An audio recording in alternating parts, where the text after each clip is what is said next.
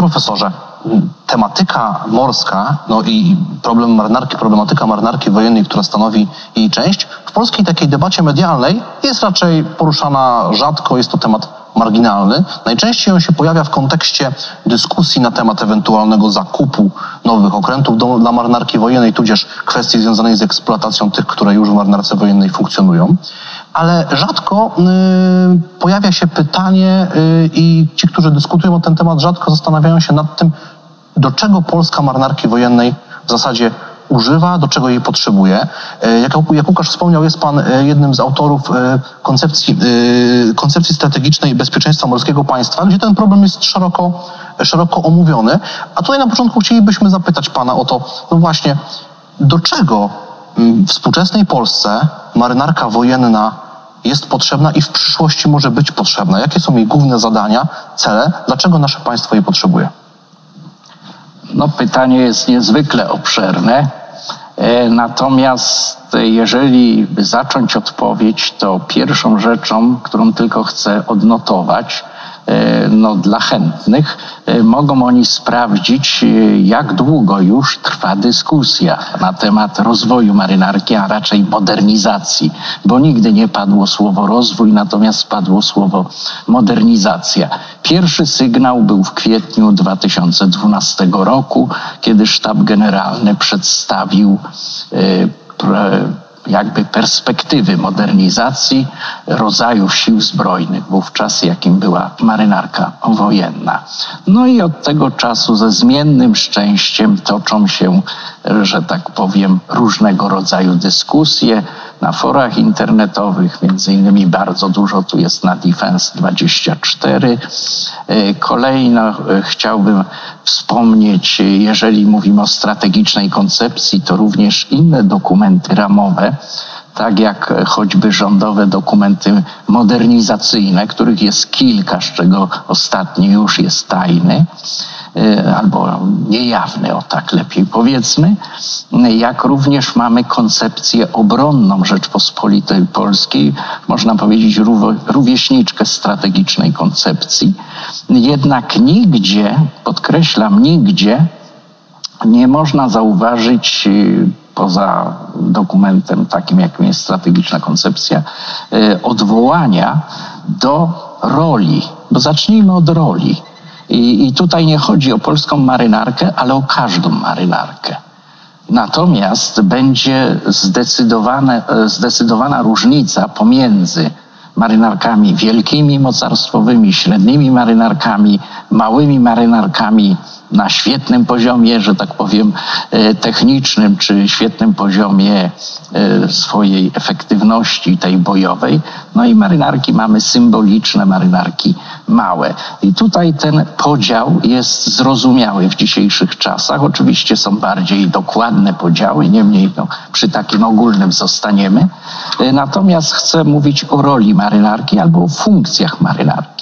I tutaj rozróżniamy trzy funkcje w postaci takiego trójkąta e, buta, tak go nazywamy, e, czyli funkcję e, porządkową, funkcję policyjną, dyplomatyczną i funkcję militarną, ściśle wojskową. Ponieważ marynarka jest częścią sił zbrojnych każdego państwa, więc ta funkcja wojskowa jest, że tak powiem, funkcją zasadniczą, według której kolejne funkcje są jakby pochodną. I tutaj, proszę Państwa, chciałbym zwrócić uwagę bardzo mocną na jeden fakt, że mówiąc o tych trzech rolach czy w trzech funkcjach, zawsze mamy na myśli zróżnicowanie ich pod względem wielkości zadań, czy jakie to są zadania, w zależności od interesów państwa na morzu, w zależności od tego, czy państwo należy do jakichś sojuszy, czy też samodzielnie prowadzi politykę obronną itd. Tak Jednak e, chciałbym powiedzieć, że e, myślenie w taki sposób, czyli trzech, o trzech funkcjach czy o trzech rolach marynarki wojennej, jest w naszych dokumentach w dokumentach wojskowych i w dokumentach e, również e, politycznych sensu stricte e, jest nieobecny. Można nawet coś takiego powiedzieć, że w ogólnej świadomości społeczeństwa, poza rolą militarną, Nie ma żadnej innej roli dla marynarki wojennej. To jest pierwsza, pierwsza rzecz, jeżeli o to chodzi, y, o tą kwestię. Druga sprawa to jest postrzeganie marynarki w naszym kraju. Jesteśmy krajem kontynentalnym i nie będę z tym, z tym walczył, bo, bo przecież nie ma sensu udowadniać, że Polska jest wyspą. No może w innym jakimś tam sensie. Natomiast, natomiast jesteśmy krajem kontynentalnym. E, mamy e, bagaż doświadczeń historycznych. Te doświadczenia historyczne są z reguły związane z walkami na lądzie no i walkami powietrznymi w jakimś tam stopniu, jeżeli chodzi o II wojnę światową, e, mówiąc o kampanii polskiej 1939 roku. Natomiast rzadko dostrzega się znaczenie marynarki wojennej w działaniach, w działaniach wojennych ówczesnego E, okresu. E, proszę Państwa, no nikt nie patrzy na właśnie kampanię polską w ten sposób, że obrona wybrzeża miała charakter polityczno, nazwijmy, symboliczny. Że oto Polska od, odrodziła się, uzyskała dostęp do morza i musi zamanifestować, że na tym jej zależy, że nie odda tego walkowerem, powiedzmy. I w 1939 roku te y, działania miały taki wymiar, jaki miały. Natomiast gro floty no, walczyło y, z sojusznikami. I proszę Państwa, spójrzmy na dzisiejszą sytuację. Też musimy działać jako flota, nazwijmy to, działająca wspólnie flota w ramach e, NATO, największego sojuszu morskiego. Y, także wydaje mi się, że y, tutaj powinniśmy na to miejsce i rolę marynarki patrzeć w ten sposób. Pozostaje jeszcze chyba ostatnia kwestia, żebym nie mówił za dużo, e, mianowicie kwestia postrzegania, czy może nawet inaczej, użyteczności marynarki. Y, generalnie, jeżeli spojrzymy na y, sprawy związane z obroną terytorium państwa, czyli z, z działaniami ściśle wojennymi, marynarka jest na drugim planie, spełnia jakby rolę pomocniczą. Ale spójrzmy, jak dzisiaj świat wygląda. Y, dzisiaj nie ma za bardzo chętnych no, pomijam różnych wataszków, prawda, miejscowych, czy, czy powiedzmy dawne państwa kolonialne, ale nie ma chętnych do prowadzenia wojen. I to wojen również w tym wymiarze konwencjonalnym, y, wojen w wymiarze tym klasycznym. Dzisiaj raczej mamy do czynienia z sytuacją, kiedy y, prowadzimy działania w tak zwanej szarej strefie. E, no, czasami mówimy poniżej progu wojny. Nie wiem, czy to jest do końca adekwatne, adekwatne określenie, ale tak to jest. I tu się pojawia pewien problem. E, mianowicie z punktu widzenia e, prawa międzynarodowego, marynarka wojenna w okresie pokoju, w okresie napięcia, kryzysu jest idealnym instrumentem, bo może działać wszędzie poza wodami terytorialnymi naszego, nazwijmy to, potencjalnego przeciwnika. A i to obowiązuje wówczas prawo nieszkodliwego przepływu. Natomiast tej sytuacji się nie dostrzega, że właśnie dziś w dzisiejszym świecie niedopuszczenie do wojny, utrzymanie porządku prawnego na morzach, czy to są wielkie, czy małe morza, czy, czy litoralne rejony, jest sprawą pierwszoplanową. I w związku z tym Y, marynarka jest niezwykle użytecznym narzędziem dla y, kierownictwa politycznego państwa, co no, z przykrością muszę stwierdzić nie jest dostrzegane. Jest to element prowadzenia polityki po prostu państwa. Y, państwo pokazuje, działając nawet w zespołach międzynarodowych, że jest zainteresowane określonymi rejonami, określonymi działaniami związanymi z utrzymaniem pokoju, porządku prawnego na morzu i niedopuszczeniem właśnie do działań zbrojnych. Tutaj od razu powiem, są takie zarzuty, że no to jak to będziemy ochraniać nasze, nasze transporty czy kontenerowce, no nasze pod banderą wysp Bahama, e, w cieśninie Malakka albo w jeszcze w innej cieśninie. No nie o to tu chodzi. Dzisiaj, proszę Państwa, jeżeli mówimy o państwach Zachodu, o pewnej wspólnocie zachodniej, to musimy wiedzieć, że robimy to dzisiaj wszyscy wspólnie. To są stałe zespoły okrętów 1 i 2, czyli północ Europy, południe. To są stałe zespoły przeciwminowe, również północ, południe. I myślę, że minimalnym naszym obowiązkiem jest uczestnictwo w tych zespołach. A tutaj, no, y, można powiedzieć, od roku 2017 w minowym i 2019 nas po prostu nie ma. No i taki to jest, że tak powiem, dosyć, dosyć, bym powiedział, przykra konstatacja. Natomiast jeżeli chodzi o przyszłość, no to myślę, że to sobie zostawmy może na później, na, na podsumowanie, e, czy mamy w ogóle jakąś przyszłość. Natomiast e, kończąc moją wypowiedź, bym powiedział, że e, wszystkie dyskusje o marynarce żeby nie przedłużać wypowiedzi, przypominają trochę taki seks dla ubogich, prawda? Więc e, mówimy, mówimy. Odsyłam tu do książki Andrzeja Mleczki właśnie pod tym tytułem. Znaczy, panie profesorze, z pana wypowiedzi takie dwa elementy, które jakbym, jakbym chciał e, jednej, z jednej strony wyartykułować, z drugiej strony jakby przenieść do dalszej dyskusji. Przede wszystkim to, co pan profesor wskazał, że myślenie w ogóle o siłach morskich jeszcze węzie marynarce wojennej jako o pewnym narzędziu politycznym wpływania na środowisko e, bezpieczeństwa, czyli tylko nie myślenie w kategoriach czysto obronnych tych obszarów, które jakby są pod polską jurysdykcją ze względu na prawo międzynarodowe, ale właśnie uczestniczenia w, tym, w tej społeczności międzynarodowej, bardziej precyzyjnie w tej wspólnocie państw euroatlantyckich, żeby właśnie ten kształt systemu międzynarodowego był korzystny dla naszych e, projekcji. No, ale pan profesor też wspomniał o tym, że no, są to działania, mówię tutaj o marynarce wojennej, które trochę pozostają w sprzeczności z naszą taką świadomością społeczną.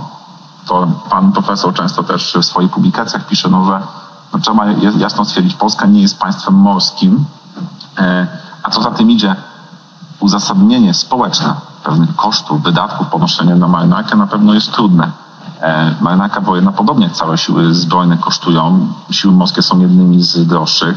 E, no i obserwujemy na pewno już od wielu lat, że zarówno politycy, a co za tym idzie też, e, znaczy najpierw szerzej opinia publiczna, później politycy, no raczej nie są skorzy do tego, żeby decydować się na przeznaczanie większych sum pieniędzy, żeby w ten sektor inwestować. Co zdaniem pana profesora można byłoby zrobić i czy to w ogóle jest możliwe, żeby E, tą perspektywę społeczną, a może także wśród decydentów nieco odmienić? No, pytanie jest z rodzaju, bym powiedział, trudnych. E, zacznę od kosztów. Oczywiście dzisiaj koszty wszystkich rodzajów sił zbrojnych znacząco poszły w górę z uwagi na technologię. E, mało tego, mamy taką jakąś modę, i tutaj dwa punkty takie widzę w tej modzie. Pierwszą, bardzo rzadko mówimy o pieniądzach, czyli bardzo rzadko mówimy, ile mamy czego.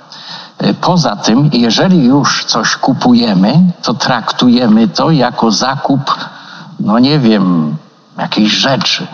Nie chcę powiedzieć zabawki, bo by było nieładnie, ale jakiejś rzeczy. Natomiast o ile rzecz się kupuje i się ją nosi, to w przypadku każdej militarnej, że tak powiem, konstrukcji, mamy jeszcze określony czas eksploatacji 10, 20, 40 lat nawet. Tu nawet dla okrętów trzeba przyjąć taką górną granicę tych 40 lat. No i teraz e, koszty, jakie, jakie z tego wynikają, prawda, żeby, żeby uzyskać. Ja muszę z przykrością powiedzieć, że nieoficjalnie, to podkreślam, prosiłem moich kolegów chociażby z różnych instytucji, żeby chociaż e, poglądowo e, zorientowali czy, czy wsparli moją niewiedzę, e, jakie są koszty eksploatacji mniej więcej rocznej poszczególnych typów okrętów i tak dalej.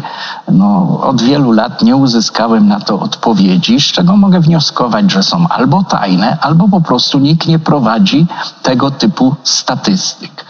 E, druga sprawa społeczeństwo. Czy jesteś, czy mamy społeczeństwo morskie albo lądowe? I tak i nie. Y, ja osobiście znam wiele osób, szczególnie jeżeli chodzi o, y, można tak powiedzieć, ciało pedagogiczne, którzy z własnej, które z własnej woli prowadzą różnego rodzaju zajęcia, warsztaty z dziećmi ze szkoły podstawowej, ze szkół średnich. E, nikt ich do tego nie zmusza przecież. E, czyli mówienie, że ktoś jest państwem morskim, ktoś nie jest. No proszę Państwa, do XV wieku nikt o Anglikach nie mówił, że są państwem morskim. Jedyni morscy ludzie tam to byli wikingowie, którzy już się, że tak powiem, zaklimat, zaklimit, zaklimatyzowali na, tym, na tych wyspach. E, natomiast chcę powiedzieć bardzo mocno, że Istnieją takie pojęcia, jak e, że naród jest bardziej morski, to ci wielcy teoretycy próbowali wprowadzić. Istnieją takie pojęcia nawet jak kultura morska. Nie wiem, czy, czy, czy to jest uprawnione używać tego, ale, ale taki skrótowiec po prostu funkcjonuje. E, natomiast e, czy społeczeństwo przekonamy do wydatków? Gdybyśmy to uśrednili, prawda, koszt fregaty dzisiaj, ja to mówię, jest to szacunkowy, takiej pełno wypasionej fregaty, no to będzie gdzieś w granicach 4 milionów, no w, tej, w, tej, w tym przedziale, po, że tak powiem, ostatnich zmianach się by to mieściło. E, mniej, e, mniejsza fregata, no to będzie gdzieś w granicach czy 2 miliardów e, złotych, 2,5 miliarda. Można zejść poniżej tego. Z kolei, proszę Państwa, no, otrzymałem niedawno taką analizę e, zakupu samolotów F-35 przez państwa europejskie. Producent podaje, ja, ja już ocenię, nie mówię, że płacimy najwyższą cenę w Europie za sztukę, ale nie, nie uczestniczymy w programach. Ale producent podaje czas, e, znaczy koszt godzinowego lotu samolotu, który wynosi 35 tysięcy dolarów. E, producent zobowiązał się zejść do 22 tysięcy dolarów za godzinę lotu. E, na symulatorze, mm, no niestety, będzie e, ta, ta wyższa cena. To są oficjalne dane z oficjalnego jawnego wydawnictwa, oficjalnego raportu, już nie pamiętam, czy Rand Corporation, czy jeszcze innej, innej instytucji amerykańskiej. I tutaj, proszę Państwa, jeżeli porównamy te ceny z cenami okrętów, to nie są one przerażające. Znów, jeżeli by je rozbić na całą populację, to wyjdzie, że mm, każdy, jeżeli się, no załóżmy, że jest nas 30 milionów, no. tylko no to każdy za cenę kilku butelek wody, że tak powiem, stołowej, e, będzie w stanie, że tak powiem, rzucić się na ten okręt, czego absolutnie nie propaguje i wszystkie zbiórki, pieniężne na rozwój floty uważam za, y, dziś, za no, nietrafione w dzisiejszych czasach. To, to, nie jest, to nie jest temat właśnie na dzisiejsze y, czasy, ale y, z drugiej strony, panowie, no jeżeli patrzymy też na, czy społeczeństwo się zgodzi na wydatki. Jeżeli będzie ustawa o flocie, bo inaczej sobie tego nie wyobrażam, to społeczeństwo zgodzi się na wydatki. Pytał się ktoś społeczeństwo na temat budowy centralnego portu komunikacyjnego czy przekopu. Jest ustawa, budujemy i robimy. To oczywiście cały, cały sztafaż propagandowy z tym jest związany i tak dalej. Natomiast czy elektrownię atomową? No jest potrzeba, budujemy. Jeżeli podamy diagnozę, czy, czy tą diagnozę taką obecną, w jakim stanie jest marynarka wojenna i mamy na to 10 lat, załóżmy, żeby ten stan poprawić diametralnie, zrobić ustawę o flocie, no to wówczas te wydatki będą oczywiście w jakiś sposób uzasadnione i do przełknięcia. Oczywiście w sytuacji krytycznej, a taką mamy, zawsze każdy rząd, obojętnie jakiej by nie był, że tak powiem, prowiniencji, zdecyduje się na masło, a nie na armaty czy okręty. Natomiast no, w normalnej sytuacji mamy do czynienia z tym, że y, przedstawienie tych kosztów i później akceptacja jest do nazwijmy, przełknięcia dla szeroko pojętej opinii społecznej. Oczywiście będą od razu y, y, takie oskarżenia o mocarstwowość, a po co to nam, a na co. Y, słyszałem wielokrotnie, że marynarka wojenna w 1939 uciekła do Anglii. To nie są wypowiedzi jakichś, bym powiedział, takich tuzinkowych postaci też. Natomiast dzisiaj trzeba powiedzieć, że są to koszty duże, ale przy dobrym zarządzaniu to nie są koszty nie do zniesienia czy do nieudźwignięcia przez takie państwo średniej wielkości, jakim jest Polska. Tutaj główną sprawą, mnie się tak wydaje, przynajmniej ciągle to podnoszę, jest zarządzanie tymi finansami, czyli żeby one nie przeciekały po drodze na różnego rodzaju niepotrzebne, że tak powiem, etaty i tak dalej. Natomiast można to w sposób, y, bym powiedział, bardzo y, taki organizacyjnie akceptowany przeprowadzić, żeby, żeby uzasadnić społeczeństwu właśnie te wydatki. Y, jedną jeszcze rzecz chcę podkreślić, to jest transparentność. Y, ja nie chcę tutaj, żeby prowadzić jakieś y, referendum w sprawie czegoś, prawda, bo, bo to wydłuży nam proces i zresztą jest niepotrzebne. Mało tego, nie stosuje się nigdy tego typu rozwiązań, nigdzie. Natomiast chcę mocno powiedzieć, że transparentność tych wydatków Y, one przecież i tak są mniej więcej szacunkowe. Y, powinna dla podatnika być mhm. dostępna. Tego w ostatnich latach brak po prostu. Y, mało tego, trudno nawet powiedzieć, który program realizujemy, który program modernizacji realizujemy. Przy czym od razu powiem, że też nikt nie mówi całościowo, o co w tym wszystkim chodzi. No dla mnie wszystkie plany modernizacyjne to jest zamiana starych na nowe. Mhm. Natomiast nie ma w tej koncepcji czegoś, czemu ma to służyć, do czego to ma być. No i to jest, to, jest, to jest właśnie pewien problem, że społeczeństwo mówi, no to, no to po co płacić, jeżeli nie wiadomo, do czego to ma być. Na pewno, panie profesorze, z tego, co pan powiedział, to przybija, że to nie jest tak, że to jest temat niemożliwy do udźwignięcia dla państwa, że to jest kwestia, którą można politycznie i społecznie, dzisiaj byśmy powiedzieli nawet marketingowo przeprowadzić, jak bardzo wiele projektów strategicznych dla państwa, które kosztują pewnie zdecydowanie więcej niż, niż rozwój marynarki wojennej. I tutaj jakby e, wracając do początku, a jednocześnie e, zadając ostatnie pytanie panu profesorowi, gdybyśmy mogli, pan profesor mógł, nie wiem, czy to zarekomendować, przedstawić, zasymulować w takim razie w kontekście i tych naszych potrzeb y, mocno państwowych, ale także tego szerszego myślenia, o którym Pan mówił, czyli współudziale z naszymi sojusznikami w kształtowaniu bezpieczeństwa międzynarodowego, takie marynarki Polska potrzebuje. Dziękuję za pytanie. Od razu na wstępie zastrzeżenie, że nie chciałbym odbierać pracy osobom na stanowiska, które określą, ile jakich okrętów potrzeba. Niemniej, gdyby ktoś chciał skorzystać z tego materiału, to...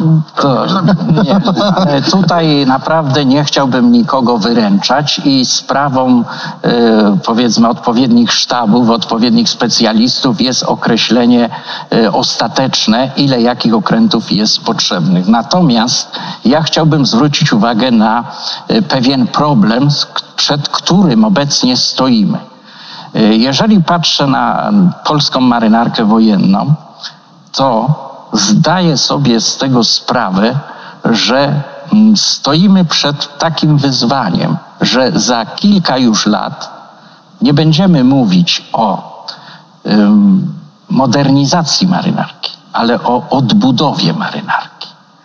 Drugi problem, który na wejściu trzeba poruszyć, to jest struktura marynarki. Otóż e, co się zmieniło od czasów Układu Warszawskiego? Nie ma brygady okrętów desantowych. E, były 23 okręty, średnie okręty desantowe. Dzisiaj jest 5 średnich okrętów desantowych, już też mają swój wiek. Nie są za stare jeszcze, ale mają już swój wiek, bo to szybko czas leci. I, i to się w zasadzie zmieniło.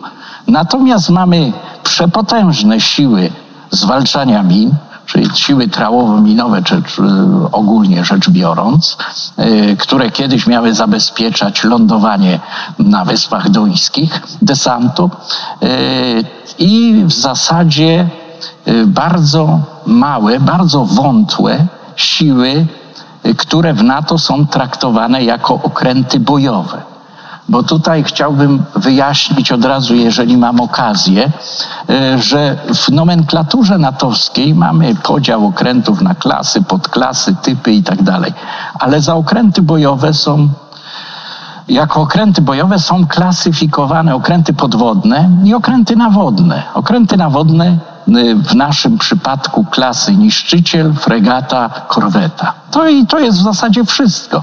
Potem są okręty patrolowe, jeszcze e, jako patrolowce, duże, oceaniczne. No i mamy całą masę małych okrętów typu kuter czy mały okręt rakietowy. E, I na dobrą sprawę na dzień dzisiejszy My tych okrętów y, bojowych mamy dwie fregaty, mamy y, jednego orła, y, mamy Kaszuba, którego możemy jeszcze tutaj zaliczyć, no i mamy patrolowiec Ślązak, jako, jako patrolowiec, który, który może działać we wszystkich warunkach oceanicznych. W tym kontekście te trzy okręty rakietowe typu Orkan też by się do tego... One, one są brane pod uwagę jako siła bojowa tutaj, ale to nie są okręty bojowe, które mamy, y, możemy użyć poza Bałtykiem. Tak? To są tutaj dla naszego domowego użytku okręty. Natomiast w ramach współpracy z NATO, y, tak jak są pojmowane tam okręty, no to mamy właśnie te klasy okrętów, które, które wymieniłem. E, no i teraz, e, jeżeli spojrzymy na to, na, na ten problem, pod kątem jeszcze wieku tych okrętów, to właśnie stąd ten mój wniosek, że konieczna będzie odbudowa bo to już się nie da przedłużyć, one się staną niebezpieczne dla swoich załóg, a nikt nie będzie chciał głową odpowiadać za to, że wyjdą w morze i e, coś się wydarzy. Natomiast na pytanie, jaka marynarka? Tutaj znowu powiem, że e, mogą być nieporozumienia z powodu tego, co, co, jak ja to widzę. E, przyszłość marynarki widzę przede wszystkim pod kątem zmiany jej struktury. I chcę od razu powiedzieć, że ja nie jestem przeciwnikiem małych okrętów. Mało tego, nie jestem przeciwnikiem tego, co dziś widzimy, bez załogowców. A to jest kierunek dla Bałtyku, bym powiedział, dzisiaj się on staje pierwszoplanowy prawie że. I jaka flota ma być, jak ją określić ogólnie, ją, jej strukturę. Przede wszystkim ma być to flota ponowoczesna, i hybrydowa. Co oznacza hybrydowa? Znów nie chodzi o wojnę hybrydową, ale o skład materialny tej floty. Czyli jaki procent musimy utrzymać okrętów, i tu trzeba mocno myśleć, na, e, czy nas na to stać, i jaki procent utrzymać bez załogowców pojazdów autonomicznych. Ja tutaj przy okazji poruszę też inny problem. Mianowicie y, my mamy mm, możliwości budowy pewnych rzeczy w Polsce. Y, ja nie mam, od razu powiem, nie mam szerokiego dostępu, nie mam wiadomości, co my możemy robić, y, jeżeli chodzi o bezzałogowce. Te moje wiadomości są chyba takie ogólne, jak każdego, natomiast nie mam dostępu do y, przede wszystkim firm prywatnych, które się w tym specjalizują, a które są na dobrym poziomie, o ile, o ile mi wiadomo, y, które by mogły współpracować.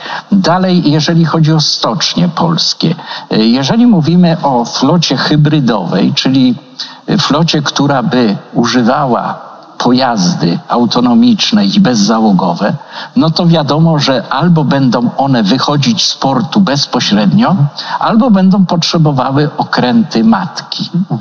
I tutaj, jeżeli znam produkcję naszą stoczniową, znów mówię o stoczni remontowej przede wszystkim, która całą serię, o ile pamiętam, budowała jednostek offshore'owych I nikt się jakoś u nas nie zastanawiał, że e, również taka offshore'owa jednostka może mieć zastosowanie to podwójne, wojenne. Tu od razu idziemy w koszty w tym momencie też, że taka jednostka może mieć też szary kadłub i po, po odpowiednim przystosowaniu, a inżynierów to mamy, sądzę, bez problemów to zrobią, może mieć właśnie tego typu zastosowanie tu w warunkach Bałtyku.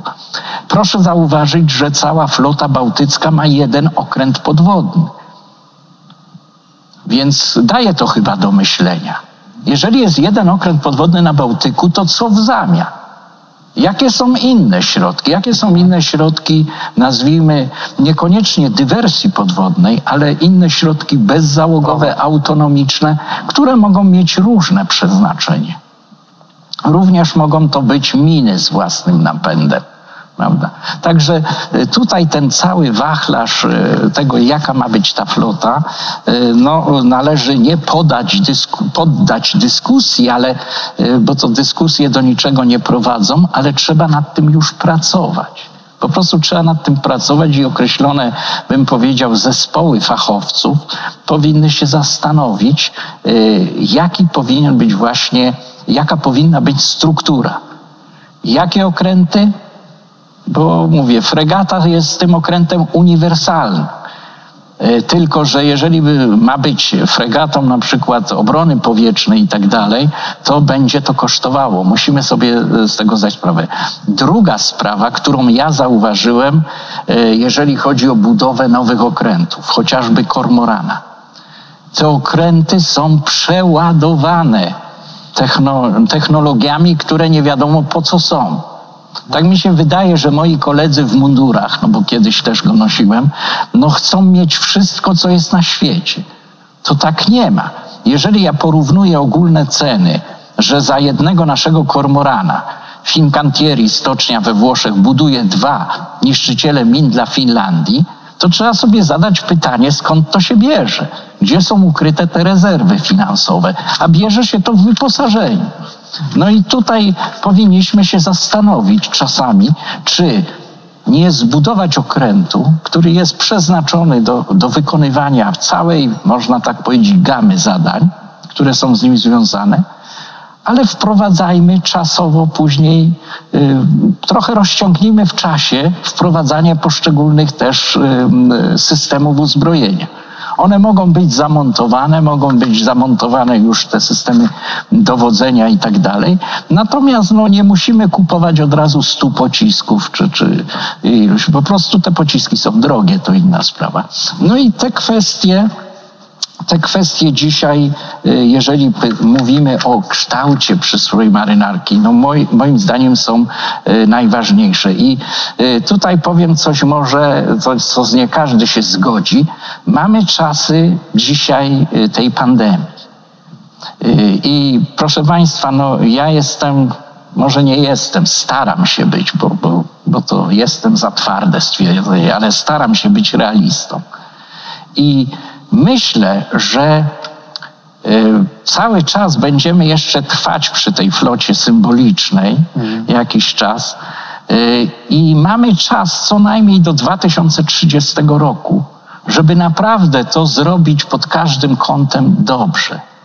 Y, no i, i, co mogę powiedzieć znów, jeżeli, jeżeli no, tu wracam trochę do drugiego pytania e, pana Łukasza o politykach.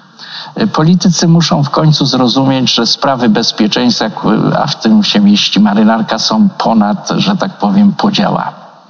I to, to musi być zasada generalna. Mało tego, flotę buduje się troszeczkę dłużej, a nie cztery lata. Y, I w zasadzie no nie możemy to działać w taki sposób, że y, my robimy to, a kolejni Y, unieważniają coś tam albo, albo po prostu musi być ta ciągłość i tutaj mój apel jest, bym powiedział, może nie głosem wołającego na puszczy, ale trzeba to zrozumieć, że to są procesy długofalowe. I jeszcze raz, mamy, mamy ten czas i go zagospodarujmy, go wykorzystajmy Są w kraju specjaliści i mało tego, ja się spotykam bardzo często, robią pe- wiele rzeczy pro publico bono i, i, i, to, i to taka jest prawda. Natomiast nie ma chętnych, żeby skorzystać z tego.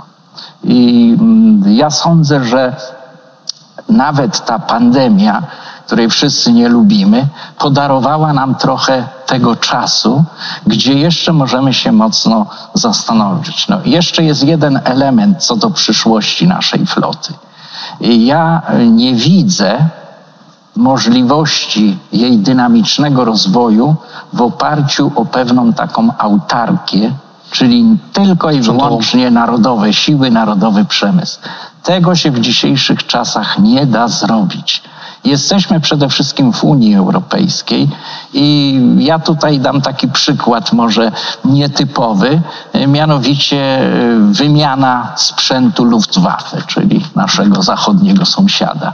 Niemcy zakupili po połowie, można tak powiedzieć, Eurofightera i F-18. Nie zdecydowali, najnowszej wersji, nie zdecydowali się na F-35. Z jakichś względów trudno powiedzieć, ale taką notatkę otrzymałem e, parę no, ładnych tygodni już temu. No i wiem, może nawet to był koniec ubiegłego roku, że takie rozwiązanie będzie. Tutaj musimy jasno sprawę sobie postawić, że e, przede wszystkim bez współpracy europejskiej, jeżeli chodzi o przemysł okrętowy, to już nie jest sprawa marynarki, ale, ale właśnie szersza sprawa gospodarcza, no nie damy po prostu rady. Zbudujemy w kadłub, zbudujemy coś tam, natomiast, natomiast cały wsad no, jest potrzebny w ramach kooperacji europejskiej, jeśli nie w ogóle globalnej. Bo może to być i Korea Południowa, nie wiem, prawda? Natomiast y, koniecznie, niekoniecznie y, musimy się orientować na tylko i wyłącznie na stocznie krajowe.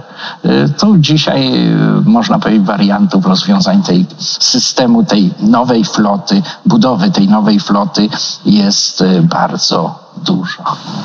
To, to tutaj tak naprawdę, Szanowni Państwo, z naszej rozmowy na pewno przybija to, że e, problematyka, która często jest y, analizowana bardzo wąsko, powinna być rozpatrywana szerzej. I zarówno uczciwie mówiąc o kosztach, ale mówiąc także o pewnych potrzebach e, i o tym, co pan profesor wspomniał w swojej ostatniej wypowiedzi, mówiąc, że kiedy mówimy o marynarce wojennej, o jej przyszłości, e, w kontekście też celów, interesów, które Polska posiada, to musimy myśleć w dłuższej perspektywie czasu. To wymaga pewnego zarządzania e, strategicznego i tutaj pewne porozumienia nie tylko ponad podziałami, ale także e, myślę, że szeroko rozumianych ludzi związanych z morzem, morzem polityką morską e, powinny iść w jednym kierunku i chyba tego życzymy polskiej marynarce wojennej, wszystkim jej można powiedzieć, sympatykom, interesariuszom, osobom, które w tym całym procesie brały udział, biorą udział i będą brały w przyszłości. Szanowni Państwo, zachęcamy do komentowania naszego materiału, zachęcamy do jego udostępniania, żebyśmy mogli dotrzeć z tą informacją do jak największej grupy osób. Zachęcamy do subskrybowania naszego kanału. Naszym gościem dzisiaj był pan profesor Andrzej Makowski. Serdecznie. Dziękujemy. dziękuję również Panu, dziękuję Państwu za uwagę.